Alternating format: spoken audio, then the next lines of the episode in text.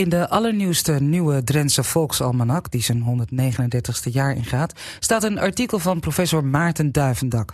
Titel Joods vastgoed, de notaris en een weduwe Koevoorde, roof, beheer en rechtsherstel in Zuidoost-Drenthe 1940-1955. Duivendak is niet onbekend met het onderwerp. Hij deed eerder onderzoek naar de ontwikkelingen in zaken Joods onroerend goed tijdens en na de Tweede Wereldoorlog. Het KRO-NCRV-programma Pointer deed dat eerder ook al. En zocht uit wie er allemaal bij betrokken waren. Bij het feit dat tijdens de Tweede Wereldoorlog Joodse Nederlanders van hun vastgoed werden beroofd. Dat onteigend werd en doorverkocht. En waar na de oorlog voor degenen die het hadden overleefd... zelfs hier en daar nog achterstallige belastingen werden opgelegd. Je luistert naar een podcast van Drenthe Toen. Maarten Duivendak. Toen Pointer, de, club die aandacht trok voor dit fenomeen, uh, zijn onderzoek deed, wees hij vooral op het feit van er zijn allerlei gemeenten geweest waar het gemeentebestuur deze mogelijkheden gebruikt heeft om uh, op allerlei redenen onroerend goed aan te kopen. Nou, gemeentebestuur Koevoorde heeft dat niet gedaan. Er zijn een aantal gemeenten in Drenthe die dat wel hebben gedaan, maar Koevoorde zit bij deze club die dat niet heeft gedaan. En uh, eerst dat ik dacht van oké, de meeste gemeenten zullen het op de, de, ja, de mogelijkheden benut hebben om daar goed aan te kopen. Maar inmiddels is wel duidelijk dat de meeste gemeenten dat niet hebben gedaan. Dus Koevoorde zit, als je een soort van schaal van in dat hele grijze gebied van, ja, van business as usual tot met collaboratie, dat hele grijze gebied bekijkt, zit Koevoorde ja, aan de goede zijde van, van die schaal. Maar Tegelijkertijd is natuurlijk nog een ander element zit in het, uh, dus onderzoek gebakken. Niet alleen de aankoop van onroerend goed, maar ook het na de oorlog opleggen van achterstallige belastingen. De, veel, uh, de beheersinstelling heeft gedurende de oorlog vaak geen belasting betaald. En ja, de vraag, hey, hoe zat dat nou in Koevoorde? Nou, in Koevoorde is duidelijk dat de beheersinstelling wel belasting heeft betaald. Op een paar panden na is het niet helemaal helder, ehm, maar in de meeste gevallen heeft de beheersinstelling belasting betaald en daar waar het niet betaald is, is het na de oorlog niet geïnd. Is het gewoon in een um, uh, register waarvan uh, met als titel van nee, dit, dit zijn de achterstallige belastingen zijn hier, uh, of de, en de naheffingen moeten, zijn hierin geregistreerd. En wordt op een gegeven moment, zie je dat erin staan en het wordt het als oninbaar wordt dat geboekt. En dat is een, uh, ja, dat vind ik wel weer aardig, want ook daar zit dus de gemeente Koevoorde aan, laten we zeggen, de goede kant uh, van het spectrum. Dat is in Amsterdam is dat heel grootschalig gebeurd. Plus nog een boetebeding erbovenop gelegd. En dat is eigenlijk is dat um, ook wel een van de aanleidingen geweest van dit type onderzoek. Kijken van hey, wat is er nou gebeurd ook in, na de oorlog in het proces van rechtsherstel. Dan zie je dat gebeuren. In Den Haag is het gebeurd. In Utrecht is het niet vast te stellen. Uh, niet met zekerheid vast te stellen of het echt. Uh, nou, wel of niet uh, gebeurd is. Want volgens de archiefwet zijn de documenten waaruit je dit zou kunnen opmaken, die zijn allemaal keurig uh, vernietigd. Uh, die waren voor vernietiging aan, zonder die op de lijst om na 30, 40 jaar vernietigd te worden. Hebben, veel gemeenten hebben dat gedaan. Uh, dus daar kun je het niet meer uit opmaken. Maar bijvoorbeeld in Leeuwarden, daar hebben ze een aantal van dit soort registers van achterstallige belastingen hebben ze wel bewaard gebleven. Dan kun je het keurig uit opmaken dat het uh, inderdaad daar ook geheven is na de oorlog. Mensen uh, geconfronteerd zijn met achterstallige heffingen. Maar in Koevoorde hebben ze deze registers ook keurig bewaard gebleven. En daar kun je dus uit opmaken dat ze niet uh, opnieuw geheven zijn. In Koevoorde is dat dus niet gebeurd. Maar we staan er toch nog even bij stil. Want hoe kan het nou toch zijn dat na de oorlog die weinige mensen die het overleefd hadden, geconfronteerd werden met zoiets als achterstallige belastingen?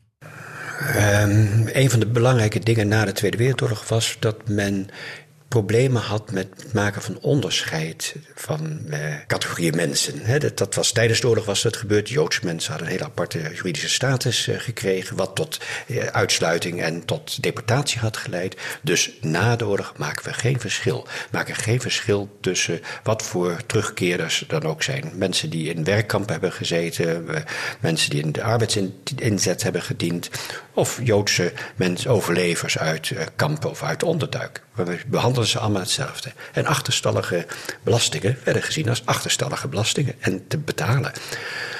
Um, dus vanuit dat perspectief eh, kun je zeggen: oké, er zit een logica in om ja, geen onderscheid te maken. En ja. Het is nog een andere vraag van goed, uh, moet je ze dan toch nog een boeteding opleggen?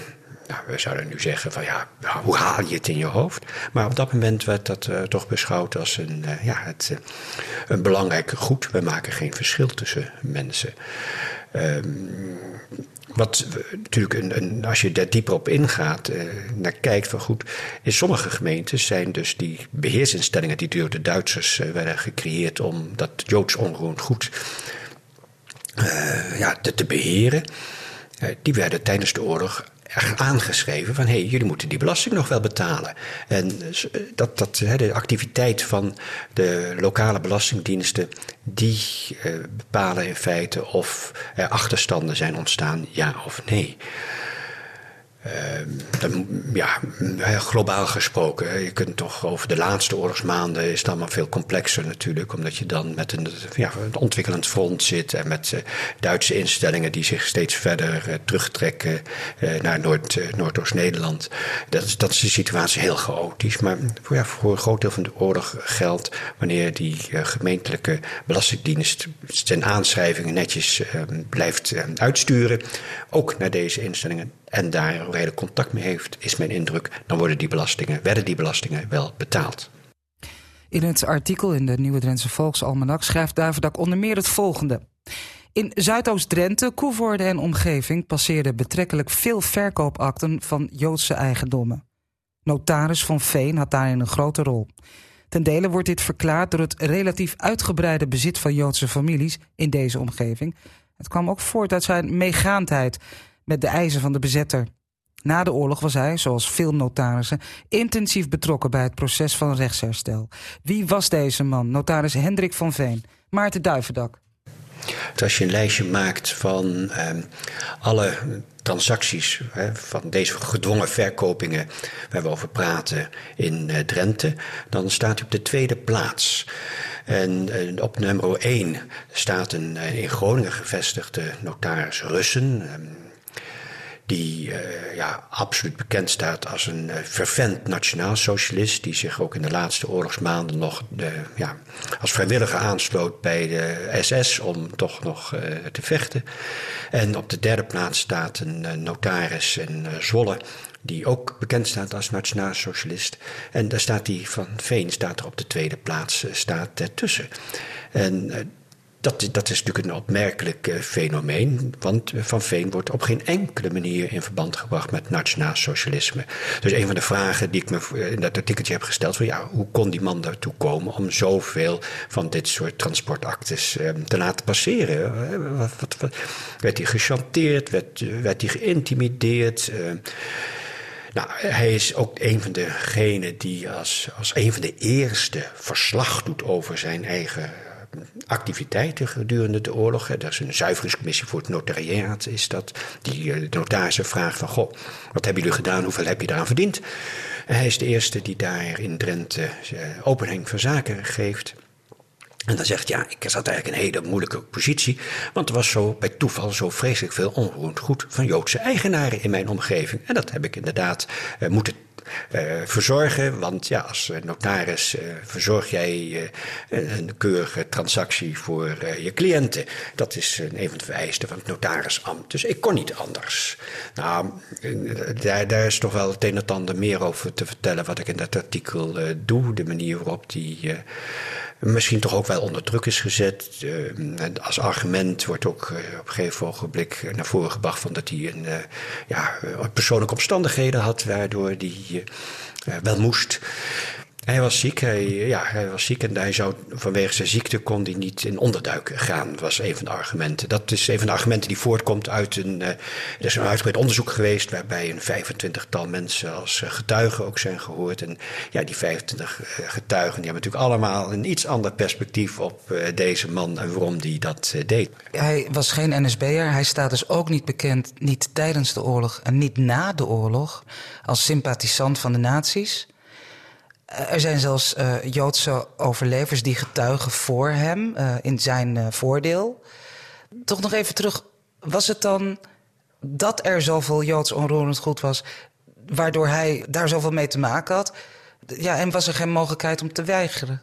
Er was zeker een mogelijkheid om te weigeren. Je ziet het, dat verschillende andere notarissen in Drenthe die uh, verwijzen door. Hè, als jij als NSB of als andere gegadigde graag uh, ja, Joods eigendommen op je naam laat schrijven, dan kun je je beter bij die notarissen gewoon Russen vervoegen. Of, wat ook gebeurde, je kunt je dan terecht bij notaris van Veen in Koevoorde. Want omdat hij dus al dat deed, kreeg hij de naam van: oké, dat kan bij deze notaris kan dat gebeuren. Dus hij was niet actief in het uh, tegengaan van dit soort transport. Uh, op een gegeven moment ook de, de, de, aanklager in de bijzondere rechtspleging, die zegt van ja, goed, deze notaris heeft meer gedaan aan het bevorderen van verkoop van Joods onroerend goed dan het tegengaan van Joods verkoop van Joods onroerend goed. Dus dat opzicht, hij kreeg natuurlijk een reputatie gedurende de oorlog van ja, bij deze notaris kun je dat laten doen. En dat had wellicht ook nog te maken met het feit dat hij inderdaad uh, zich klemgezet uh, voelde. Dat hij uh, enerzijds niet kon onderduiken. En anderzijds toch ook ja, mogelijk misschien wel enigszins geïntimideerd werd. doordat hij ja, bezoek kreeg van NSB'ers aan zijn kantoor. Die zaten ook altijd bij deze transportakte, zaten ze daar fysiek aanwezig te zijn vanaf een bepaald moment. vanaf, ja, ik denk vanaf begin 43. En hij kreeg bezoek van de SD. Althans, die getuigen zeggen van ja, de SD'ers kwamen bij hem langs en de was notaris was zo nerveus. Die liep maar te ijsberen. Die was, nou goed. Daar zit iets achter en er zit iets, mogelijk zit daar iets wat te maken heeft met een van de belangrijkste eigenaren van, jo van onroerend goed. Joodse mevrouw, Joodse weduwe. Meiboom geheten, Meiboom Hompes.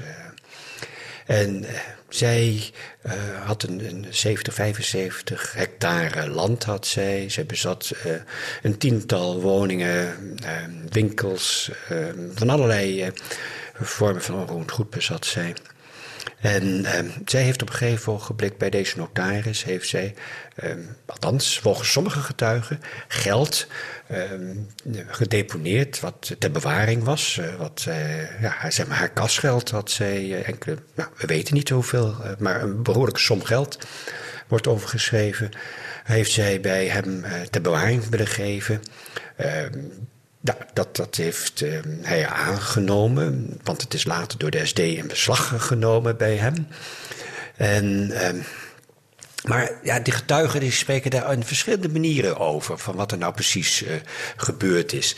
En uh, op wat voor manier hij daar nou betrokken bij is geweest. Maar dat maakte hem waarschijnlijk, althans in zijn eigen perceptie, maakte het, uh, zijn, ja, zijn bewegingsruimte nog kleiner dan dat hij al was. Deze familie Meiboom keerde na de oorlog niet terug. Zoals heel veel Joodse koevoortenaren. Dat klopt. Ik denk dat 90%, ruim 90% van de Joodse koevoordenaren niet teruggekeerd is. En ook de weduwe met haar in huis wonende dochter zijn niet teruggekeerd.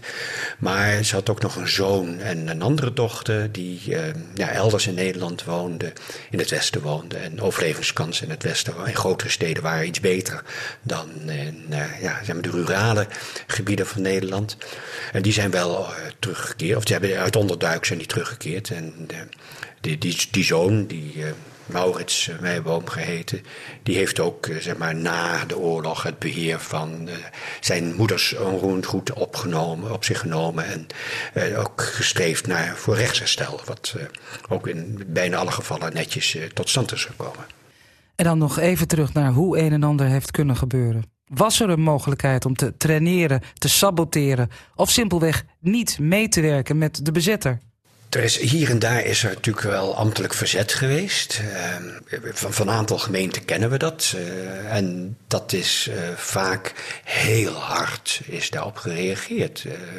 met, met doodstraffen voor ambtenaren. Gewoon, dat, dat, dat moet een enorm schrikbeeld geweest zijn voor ambtenaren. Dus de, de sancties waren ja, ongelooflijk hard. Dat gold dan ook voor notaris Hendrik van Veen? Van notarissen weten we eigenlijk dat ze bijna allemaal mee hebben bewogen. Dat ze uh, vrijwel geen verzet hebben uh, toegepast. Maar uh, ja, een, een, onmogelijke situatie. Van Veen is na de oorlog onderworpen aan, aan de rechtspraak. Hij is nooit veroordeeld. Hij heeft nog zijn beroep uitgeoefend. Wat heeft jou als historicus die bekend is met deze materie, want je hebt dit ook bijvoorbeeld voor Groningen onderzocht, nu nog verbaasd als we het over Koevoorde hebben? Een van de uh, interessante zaken vond ik inderdaad het, het functioneren van die Hendrik van Veen, van die notaris, goed te kunnen onderzoeken. Uh, dat had te maken met, met het type bronmateriaal wat hier in dit, deze situatie bewaard was gebleven. En wat ik ook heel interessant, dat vond ik echt interessant. En wat ik ook heel interessant vond, was um, ook toch wat dieper in te kunnen, uh, dieper te kunnen kijken naar op welke wijze nou dat gemeentebestuur van Koevoorde omging met enerzijds die belastingheffing, anderzijds die, uh, ja, die, die, die 25, 30 leegstaande woningen, waar de Joodse mensen uit weggevoerd uh, waren. Van ja, wat, wat kun je daar nou mee? Wat, wat moesten zij daar nou mee? Uh, op welke wijze gingen ze daar nou mee om? Ook dat, dat vond ik een uitermate interessant iets wat ik uh, ja, voor de stad Groningen, waar ik dit inderdaad het onderzoek heb gedaan, uh, het niet zo kon vinden. Nee. Dat, dat. Betekent dat, omdat die pannen leeg stonden, dat zij een bewuste keuze hebben gemaakt daar niet mee aan de haal te gaan? Um, nou, die panden hebben. Een deel van die panden stond echt leeg. Een deel van die panden waren ook verhuurd. Gewoon aan allerlei mensen die daar bleven wonen. Uh, niet Joodse huurders. Uh, maar de leegstaande panden. Daar heeft de gemeente voor gezorgd dat die weer snel bewoond werden. Want er was woningnood. Er waren tal van mensen die daar wilden wonen. En uh, ja, dat heeft de gemeente heeft dat niet zelf uitgevoerd. De, de beheersinstelling van de bezetter heeft dat uh, uitgevoerd. Maar de gemeente hield dat netjes bij wat de situatie van die panden was. Ze hebben geen panden gekocht in Koevoorde. In Assen bijvoorbeeld wel? In Assen bijvoorbeeld wel, in Meppel bijvoorbeeld wel, in Emmen bijvoorbeeld wel. Maar in Koevoorde niet. Kunnen we daar een betekenis aan hechten? Nou, je kunt daar zeker zin betekenis aan hechten dat het gemeentebestuur in Koevoorde eh, minder meegaand is geweest dan in, in verschillende andere gemeenten in Drenthe, in Nederland, hebben vastgesteld. De nieuwe Drentse Volksalmanak is inmiddels gepresenteerd en wordt uitgegeven door Koninklijke van Gorkum in Assen. Je luisterde naar een podcast van Drenthe Toen. Vond je het leuk? Laat het ons weten. We hebben nog veel meer.